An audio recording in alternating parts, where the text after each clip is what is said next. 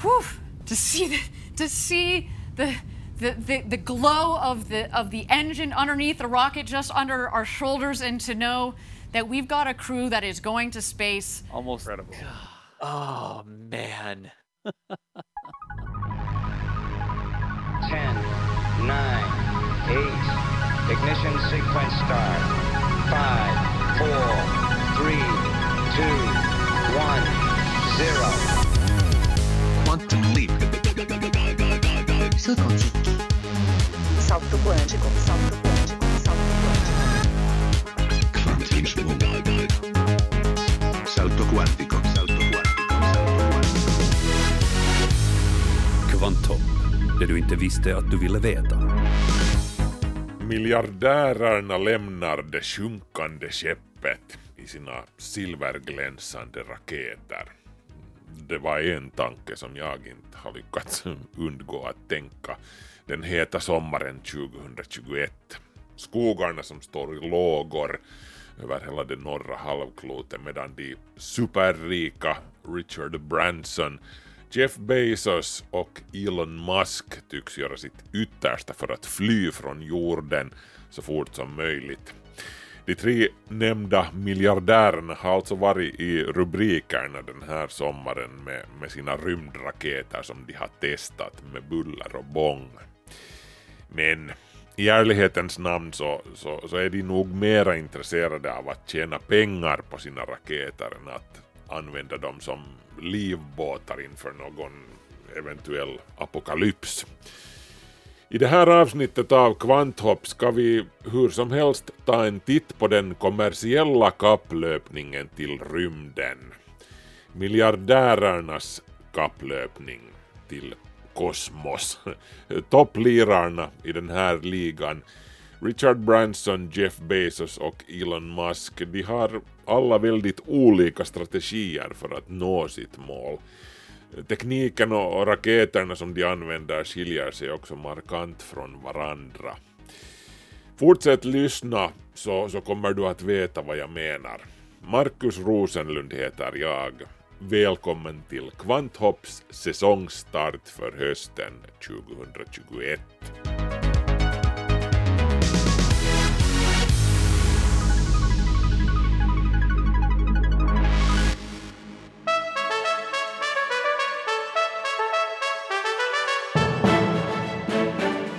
Ärligt talat så, så är jag förvånad över att det tog så här länge.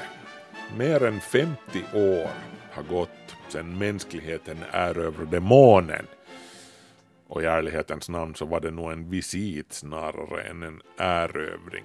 Men i alla fall, så länge som det har funnits pengar i världen har det också funnits äventyrslystna playboys. Are you suggesting, Mr. Stewart, that I should journey around the world in 80 days? I am, sir. Ni vet de där som är beredda att riskera en ansenlig del av sin förmögenhet och sitt liv kanske också på att upptäcka nya kontinenter, eh, dyka till de djupaste havsdjupen och bestiga de högsta bergen. Och, och rymden är ju det högsta berget av dem alla, så att säga. Space, the final frontier. Hur kan det då komma sig att det tog all den här tiden för, för världens miljardärer att upptäcka det här?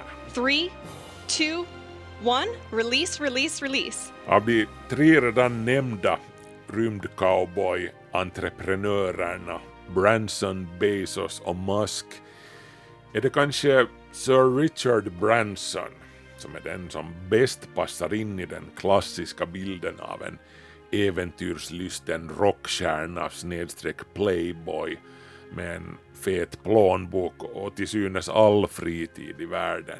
I, I, I just uh, find that saying yes is a hell of a lot more fun than saying no.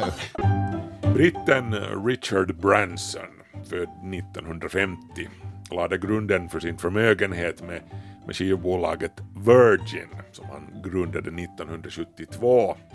1984 grundade han sen flygbolaget Virgin Atlantic Airways och, och 2004 var det sen dags för Virgin Galactic med målet att ordna turistresor till rymden. Och nu i juli i år ordnades just en sån resa, en turistresa till rymden och, och Branson själv var ju naturligtvis med ombord på raketflygplanet av typen Spaceship 2 kallat VSS Unity. Um, I'm damned if I'm going to watch it on telly and watch somebody else do it. I just want to uh, test myself and see what I'm capable of. And... Jag säger naturligtvis för, för Branson han är ju alltså och har alltid varit dessutom en äventyrare med stort Ä. Han har korsat oceanerna i diverse världsrekordförsök med, med, med ballong, med glidflygplan, med, med segelbåt och med motorbåt.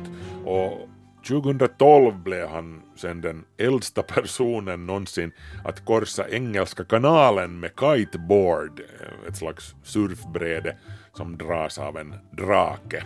I think I've got the record for being pulled out of the sea five times by helicopters. Five times. Richard Branson är i dagsläget hur som helst värd nästan 6 miljarder dollar enligt Forbes.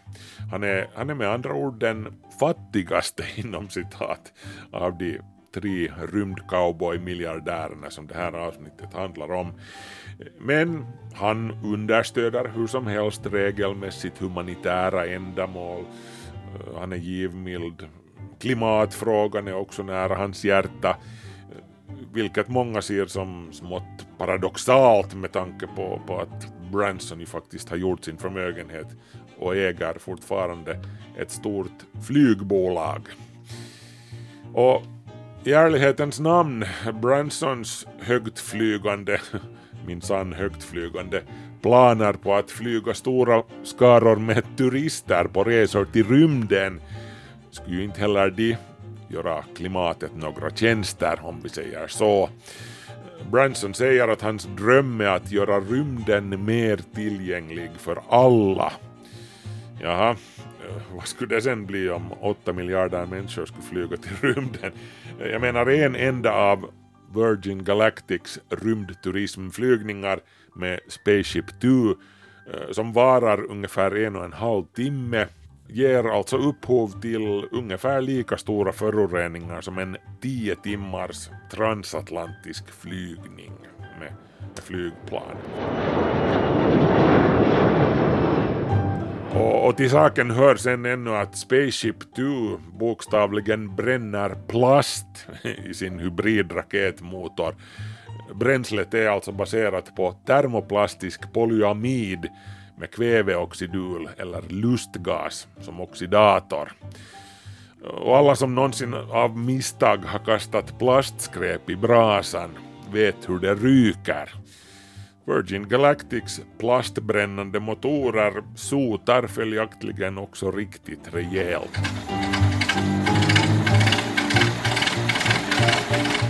Virgin Galactic siktar i nuläget på att flyga turister upp till rymden, eller rymdens kant snarare, till och med flera gånger om dagen. Men i och för sig med, med dagens biljettpriser så blir det nog knappast någon massturism av det hela inom den allra närmaste framtiden. Jag menar den billigaste biljetten för en tur med Virgin Galactic kostar just nu sådär 200 000 euro. Så smakar det så kostar det. Nå, sen har ju faktiskt många också ifrågasatt huruvida det, det överhuvudtaget handlar om rymdresor, det som Branson och Virgin Galactic marknadsför. Eh, så här går alltså en inom citat rymdresa med Virgin Galactic till. Så här gick den till den 11 juli nu i år i skyn ovanför New Mexico i USA. Rymdflygplanet VSS Unity av typen Spaceship 2 bärs upp till 12 kilometers höjd under vingarna på inom citat moderfarkosten flygplanet VMS Eve.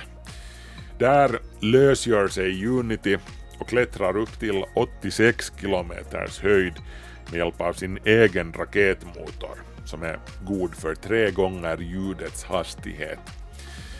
Och, och där uppe upplever de ombordvarande cirka fem minuter av välsignad tyngdlöshet innan planet igen börjar glidflyga ner mot jorden.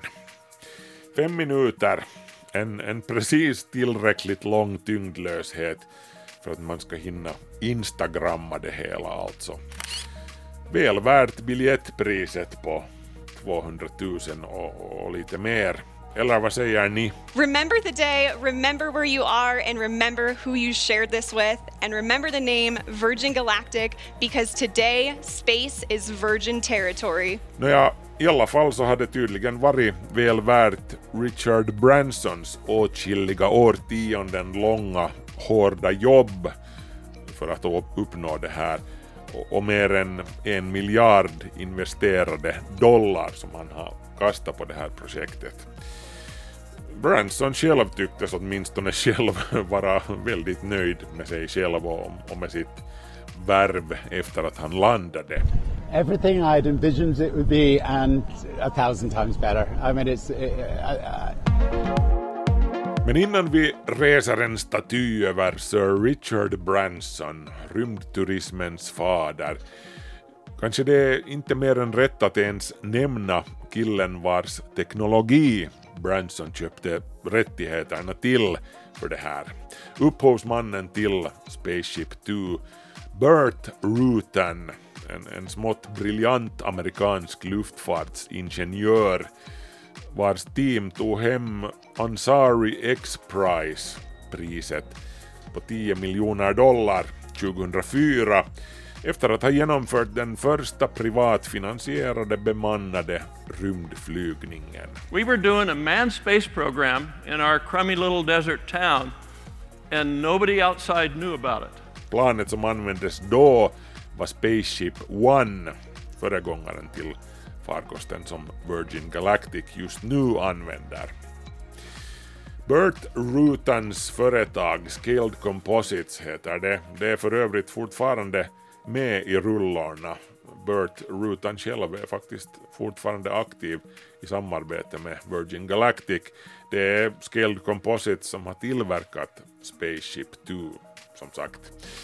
Richard Branson han har med andra ord inte bidragit med någon teknisk expertis till det här. Han är liksom mannen med visionerna och entusiasmen och framförallt kanske pengarna. Det här då i motsats till det här avsnittets tredje rymdcowboy-miljardär Elon Musk som ju de facto är en av de huvudsakliga konstruktörerna bakom SpaceX raketer och raketmotorer utöver att vara då mannen med den feta plånboken. Nå, vi återkommer till Musk lite senare i det här avsnittet av Kvanthopp. Uh, värt att notera är ju också att Bert Rutans historiska flygningar 2004 som, som Richard Branson alltså nu bygger vidare på de var ju faktiskt rymdflygningar enligt alla konstens regler. För de nådde ända upp till den så kallade Karmanlinjen på, på 100 kilometers höjd över havet, där rymden anses börja. Richard Branson han flög som sagt inom citat bara upp till 86 kilometer nu i somras. Det här beror delvis på att eh, amerikanerna har en lite, lite annan tolkning av var rymden börjar. De drar strecket vid 50 miles över havsnivå, alltså drygt 80 kilometer. Och, och, traditionellt så har sen alla som flyger högre än 50 amerikanska miles över havet fått rätten att kalla sig astronauter. Plus att de, de har fått en liten pins med, med vingar att sätta på kavajkragen. Och det här fick varken Sir Richard eller miljardär nummer två Jeff Bezos, som vi ska komma till härnäst. Den amerikanska luftfartsmyndigheten FAA skärpte nämligen i rask takt bestämmelserna så att, att den som vill kalla sig astronaut från och med nu också måste utföra någon nyttig syssla ombord. Alltså bidra aktivt till själva flygandet av sina respektive farkoster med andra ord. Och, och varken Branson eller Bezos satt vid någon kontrollpanel. De var passagerare, rätt och slätt. Och Branson han, han tog ju sig aldrig ens över Karman-linjen som sagt, vilket har fått onda tungor att avfärda Spaceship 2 som bara ännu ett höghöjdsflygplan. Så man kan ju sen fråga sig att vill man betala mer än 200 000 dollar för att få instagramma sig själv i vad som i princip är ett flygplan, Månsen sen vara att det är ett ganska speciellt flygplan, det är upp till var och en att ta ställning till för sig själv efter en glutt på, på bankkontots saldo.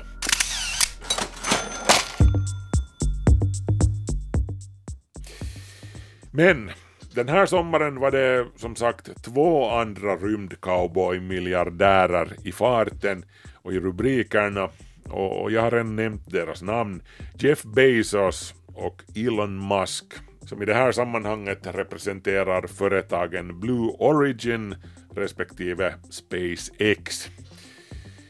Och Jeff Bezos han har gjort sin förmögenhet huvudsakligen med e-handelsföretaget Amazon och han är, han, han är alltså varken mer eller mindre än världens rikaste människa just nu, åtminstone enligt de, de senaste uppgifter som jag har tillgång till här från, från Bloomberg. Och, och, och de skriver att Bezos är värd inte mindre än 211 miljarder dollar. 200, 211 miljarder. Alltså Bezos får ju Richard Branson att te sig som en tiggare i, jämförelse. You have become the wealthiest man in the world. I can assure you I have never sought that title.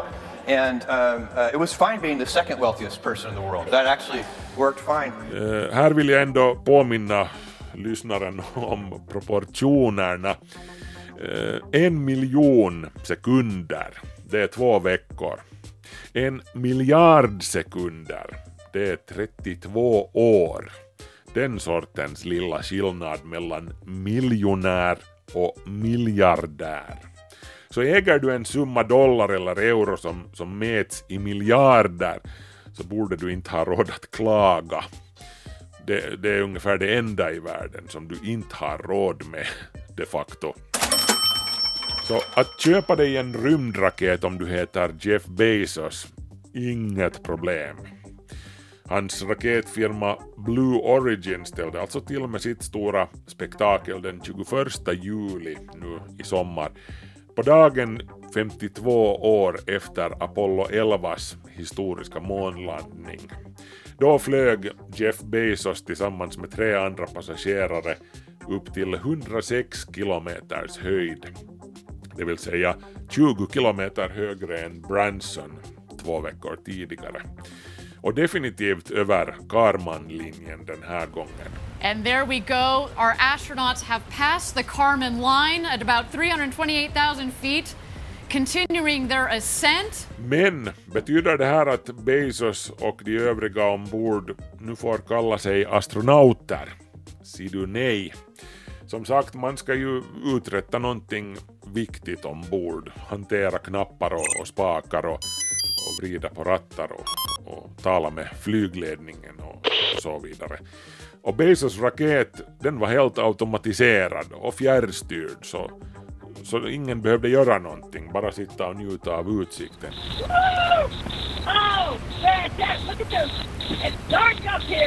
Så inga officiella astronautvingar att sätta på kragspegeln här heller, fast eh, Bezos lär ha låtit tillverka sina egna små astronautvingar att sätta på kragen. Så hej, alltid någonting om han nu blir glad av det så, så varför inte. You have a very happy crew up here I want you to know. Uh, men själva raketen då? New Shepard, vad är det för sorts farkost? Nå, till skillnad från Richard Bransons uh, VSS Unity så ser New Shepard ju faktiskt ut som en traditionell raket.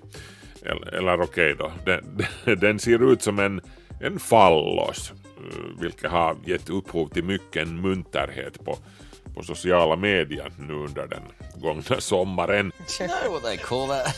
A rocket. They call it Blue Origin. Does that look a little odd to you? It's just me.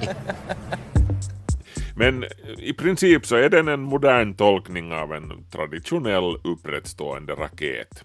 Och med modern menar jag alltså att den är återanvändbar. Whew, to see the, to see the, the, the, the glow of the, of the engine Men så här funkar alltså New Shepard. Ovanpå den 18 meter höga bärraketen finns själva rymdkapseln med, med plats för sex passagerare. Bärraketen lyfter kapseln upp till 100 kilometer och lite mera över havet. Där separerar kapseln med passagerarna från bärraketen eh, som börjar falla tillbaka ner mot marken. Just innan bärraketen når marken tänder den sin raketmotor och, och landar mjukt. Sen är det i princip bara att serva den, tanka den och så kan man köra igen. And booster touchdown, welcome back, New Shepard. Apropå tanka, New Shepard kör alltså på flytande vete och flytande syre, vilket faktiskt gör den hyfsat miljövänlig. Vete och syre bildar ju helt vanlig vattenånga när de reagerar sinsemellan. What comes out of it, it's steam, right? Hur som helst, själva passagerarkapseln, när den har nått kastbanans topp och separerat från bärraketen, då fäller den ut sina fallskärmar och, och, och dalar ner mot jorden. Och i, i stunden innan den når markytan ger den en knuff med landningsraketerna så att landningen blir mjuk och, och Bezos med gäster inte spiller ut sina martinis. And touchdown. Welcome back, New Shepard's first human crew. Med ombord på farkosten New Shepard hade Bezos sin bror Mark. Där var också den 82-årige tidigare piloten Wally Funk Oh, that's great! Can you move your head a little, Wally? Oh, yeah. samt eh, Oliver Damon, en 18-årig kille från Nederländerna vars pappa hade köpt en plats ombord på New Shepard åt sin son. Blue Patrol Oliver, thank you so much for everyone there. It was amazing. It was amazing. Ja, inte, inte en illa present där. Eh, av hela besättningen på fyra personer är det möjligt att Funk, Wally Funk alltså, som en gång nekades möjligheten till att åka till rymden tillsammans med NASA på 1960-talet på grund av att hon råkar vara kvinna.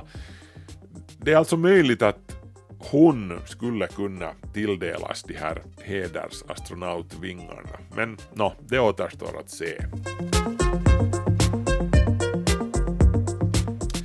Själva farkosten, New Shepard, den är alltså uppkallad efter USAs första astronaut i rymden, Alan Shepard, som gjorde sin historiska flygning med Mercury 3 den 5 maj 1961.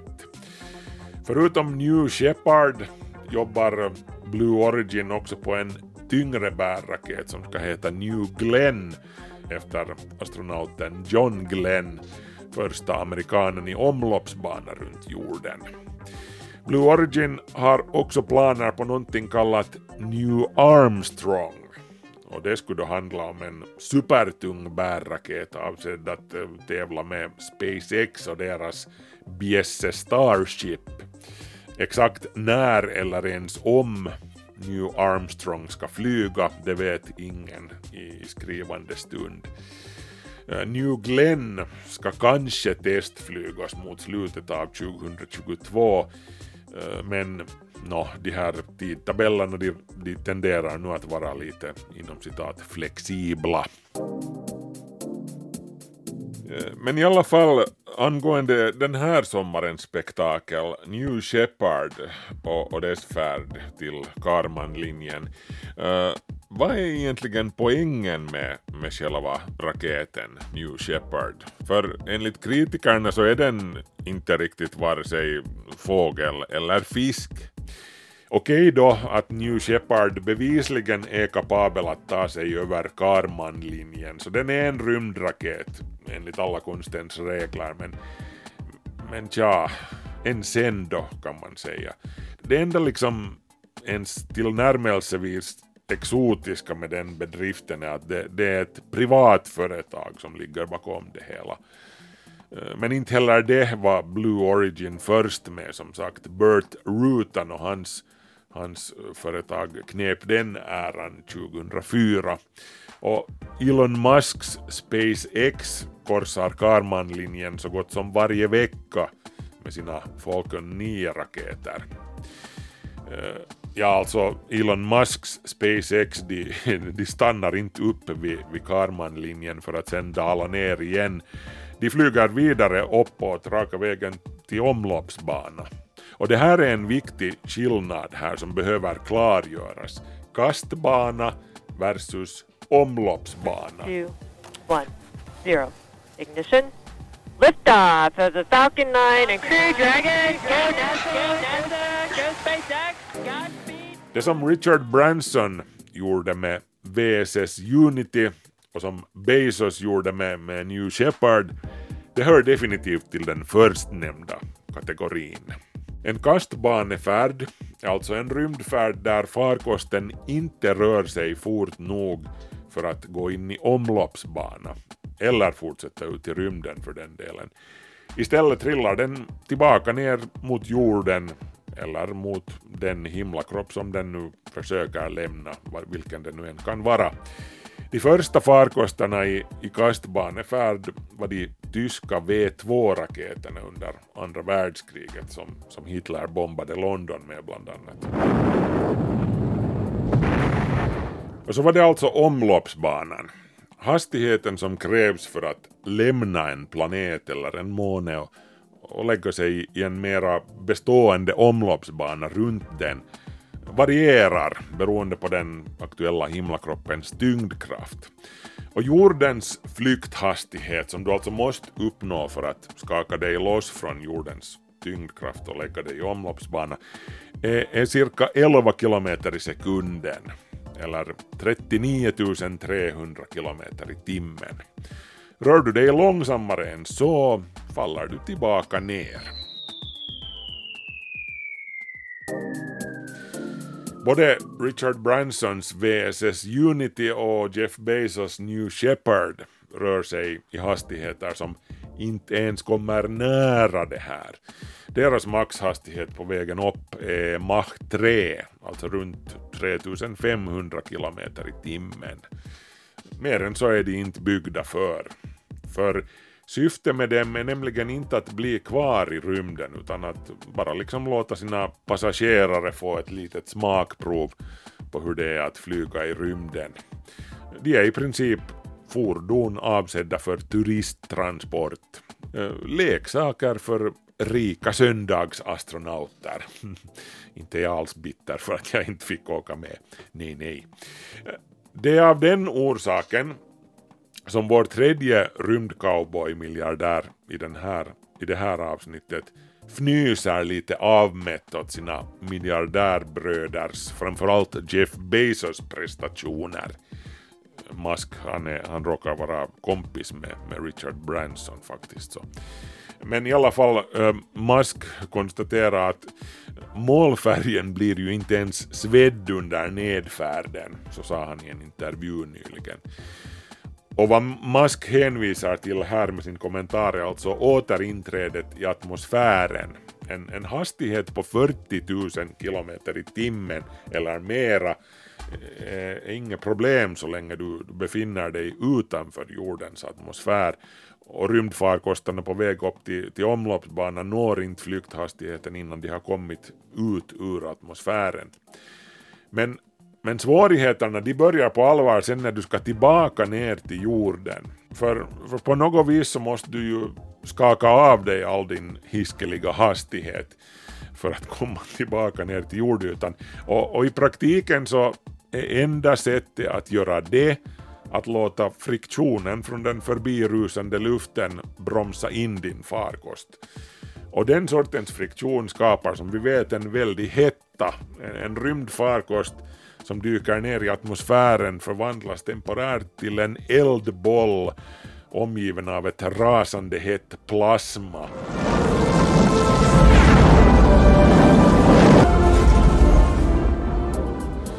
Det är därför som rymdfarkoster avsedda för omloppsbana eller, eller ännu längre ut måste förses med en värmesköld.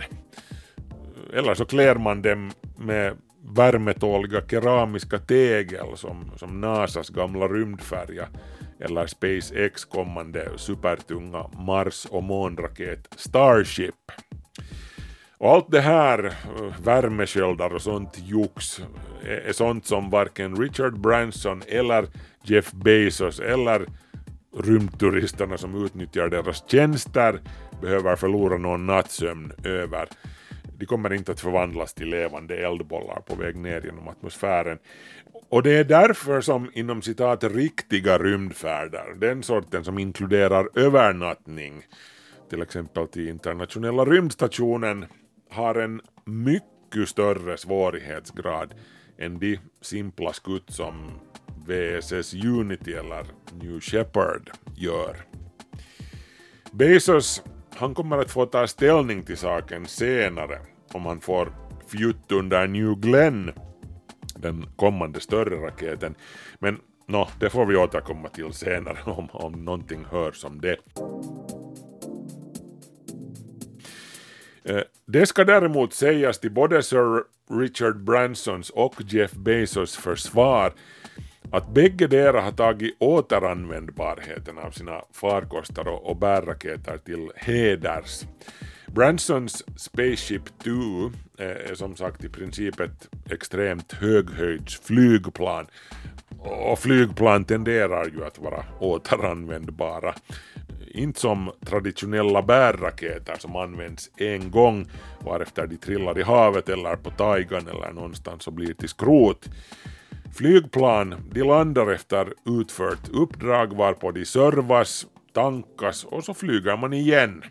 Så också Richard Bransons uh, Spaceship 2. Och Jeff Bezos New Shepard, där är som sagt själva bärraketen återanvändbar. Det här med att landa och återanvända sina bärraketer, det är nämligen mer eller mindre ett krav i framtiden om man vill klara sig i rymdtransportbranschens hårda konkurrens. Den som har den förmågan kan ju erbjuda sina tjänster så mycket billigare än de som i stil med NASA, ryssarna och kineserna ännu flyger med engångsraketer. Och den som varje kommersiell raketföretagare framförallt måste förbereda sig på att konkurrera med är ju den tredje av det här avsnittets rymdcowboy-miljardärer, Elon Musk, som mer eller mindre egenhändigt har lanserat de återanvändbara bärraketerna. SpaceX arbetshäst Falcon 9 är i detta nu en av de flitigast flugna rakettyperna någonsin. Och, och grejen med Falcon 9 är uttryckligen att bärraketens första steg går att landa efter utfört uppdrag och, och flyga på nytt. Vissa av dem har flugit tio gånger. Och det här har gjort att Elon Musk har kunnat pressa ner priset på rymdfrakt radikalt. Det här i sin tur har tvingat konkurrenterna, inklusive Jeff Bezos, att följa Musks exempel. So, so the pivotal breakthrough that that's necessary to make life multiplanetary is a fully and rapidly reusable orbit class rocket. Ja, och, och, Elon Musk då, han är alltså den tredje miljardären som har varit i rubrikerna med sina nästa generationens Starship-raketer den här sommaren. Och lustigt nog så har han faktiskt inte flugit en meter med sina Starship-raketer sen i våras då han efter många spektakulära explosioner slutligen lyckades landa prototyp nummer 15 i ett stycke. Den här sommaren har Elon Musk ägnat åt att i rasande fart bygga ut rymdhamnen Starbase i Boca Chica, Texas till otaliga journalisters och youtubares förtjusning. SpaceX har alltså valt strategin att göra allt inför öppen ridå och, och kamerornas nyfikna blickar. Och det verkar funka. Publikens engagemang har varit enormt också den här sommaren. Och, och medan Musks miljardärskollegor Branson och Bezos ägnade sommaren åt sina egna små rymdskutt höll sig arbetsnarkomanen Musk stadigt med fötterna på jorden. Hans paradnummer för den här sommaren ägde rum den 6 augusti då jätteraketen Starship för första gången restes i sin fulla längd på startplattan i, i Boca Chica, det vill säga själva farkosten Starship som satt ovanpå uh, bärraketen Super Heavy. Oh wow. So 7:56 a.m. Central Time was There you go. touchdown and mating of the two uh, portions of that vehicle together, and just look at that. Almost incredible. Oh man. Med sina 120 meter är Starship plus Super Heavy den största och mäktigaste raket som någonsin har byggts. Till och med större än Apollo-erans jättelika månraket Saturn 5. Och, och Starships teknik och design, inklusive de enorma Raptor-motorerna, kommer alltså till stora delar uttryckligen från Elon Musks eget huvud. Till skillnad från Branson och Bezos står Musk alltså inte bara för pengarna och presskonferenserna. Han, han är liksom med på verkstadsgolvet från början. Jag tänker de facto inte berätta storyn om Starship i det här avsnittet. Den som vill höra mer om Starship kan till exempel bläddra lite bakåt i Kvanthopps katalog på Yle Arenan. Där finns alltså ett avsnitt om själva företaget SpaceX och, ett om Starship som alltså en dag ska gå i reguljär trafik mellan jorden och månen men framförallt mellan jorden och Mars. Elon Musk, det här är någonting som man behöver veta om honom alltså, att, att han är en besatt man vars hela liv är vigt till att tjäna ett enda övergripande mål, att ta sig till Mars och etablera en permanent mänsklig närvaro där, innan det är för sent, som han själv säger. Och som sagt, en, sommar som den här med, med rekordheta temperaturer och, och brinnande skogar och apokalyptiska skräckscener från hela det norra halvklotet, då, då lystrar man till lite extra noga när Elon Musk säger saker som, som det här till exempel. I think if, if we operate with extreme urgency, then we have a chance uh, of making life multiplanetary. Uh, still just a chance, not for sure. If we don't act with extreme urgency, that chance is probably zero. Vi har ingen tid att förlora. Det finns en chans, fortfarande en liten chans, men, men i alla fall att vi kan bli en multiplanetär art om vi arbetar med en känsla av yttersta angelägenhet. Så sa alltså Elon Musk i en intervju från i somras med, med youtubaren Tim Dodd. Så här säger alltså en av världens rikaste män som bokstavligen ägnar hela sin förmögenhet och största delen av sin vakna tid åt att skapa en plan B åt mänskligheten. Jag vet inte med er, men mig har det här fyllt dels med en liten gnutta hopp inför framtiden, men, men också med en hel del oro. En sommar som den här. Shit just got real, som de säger där borta.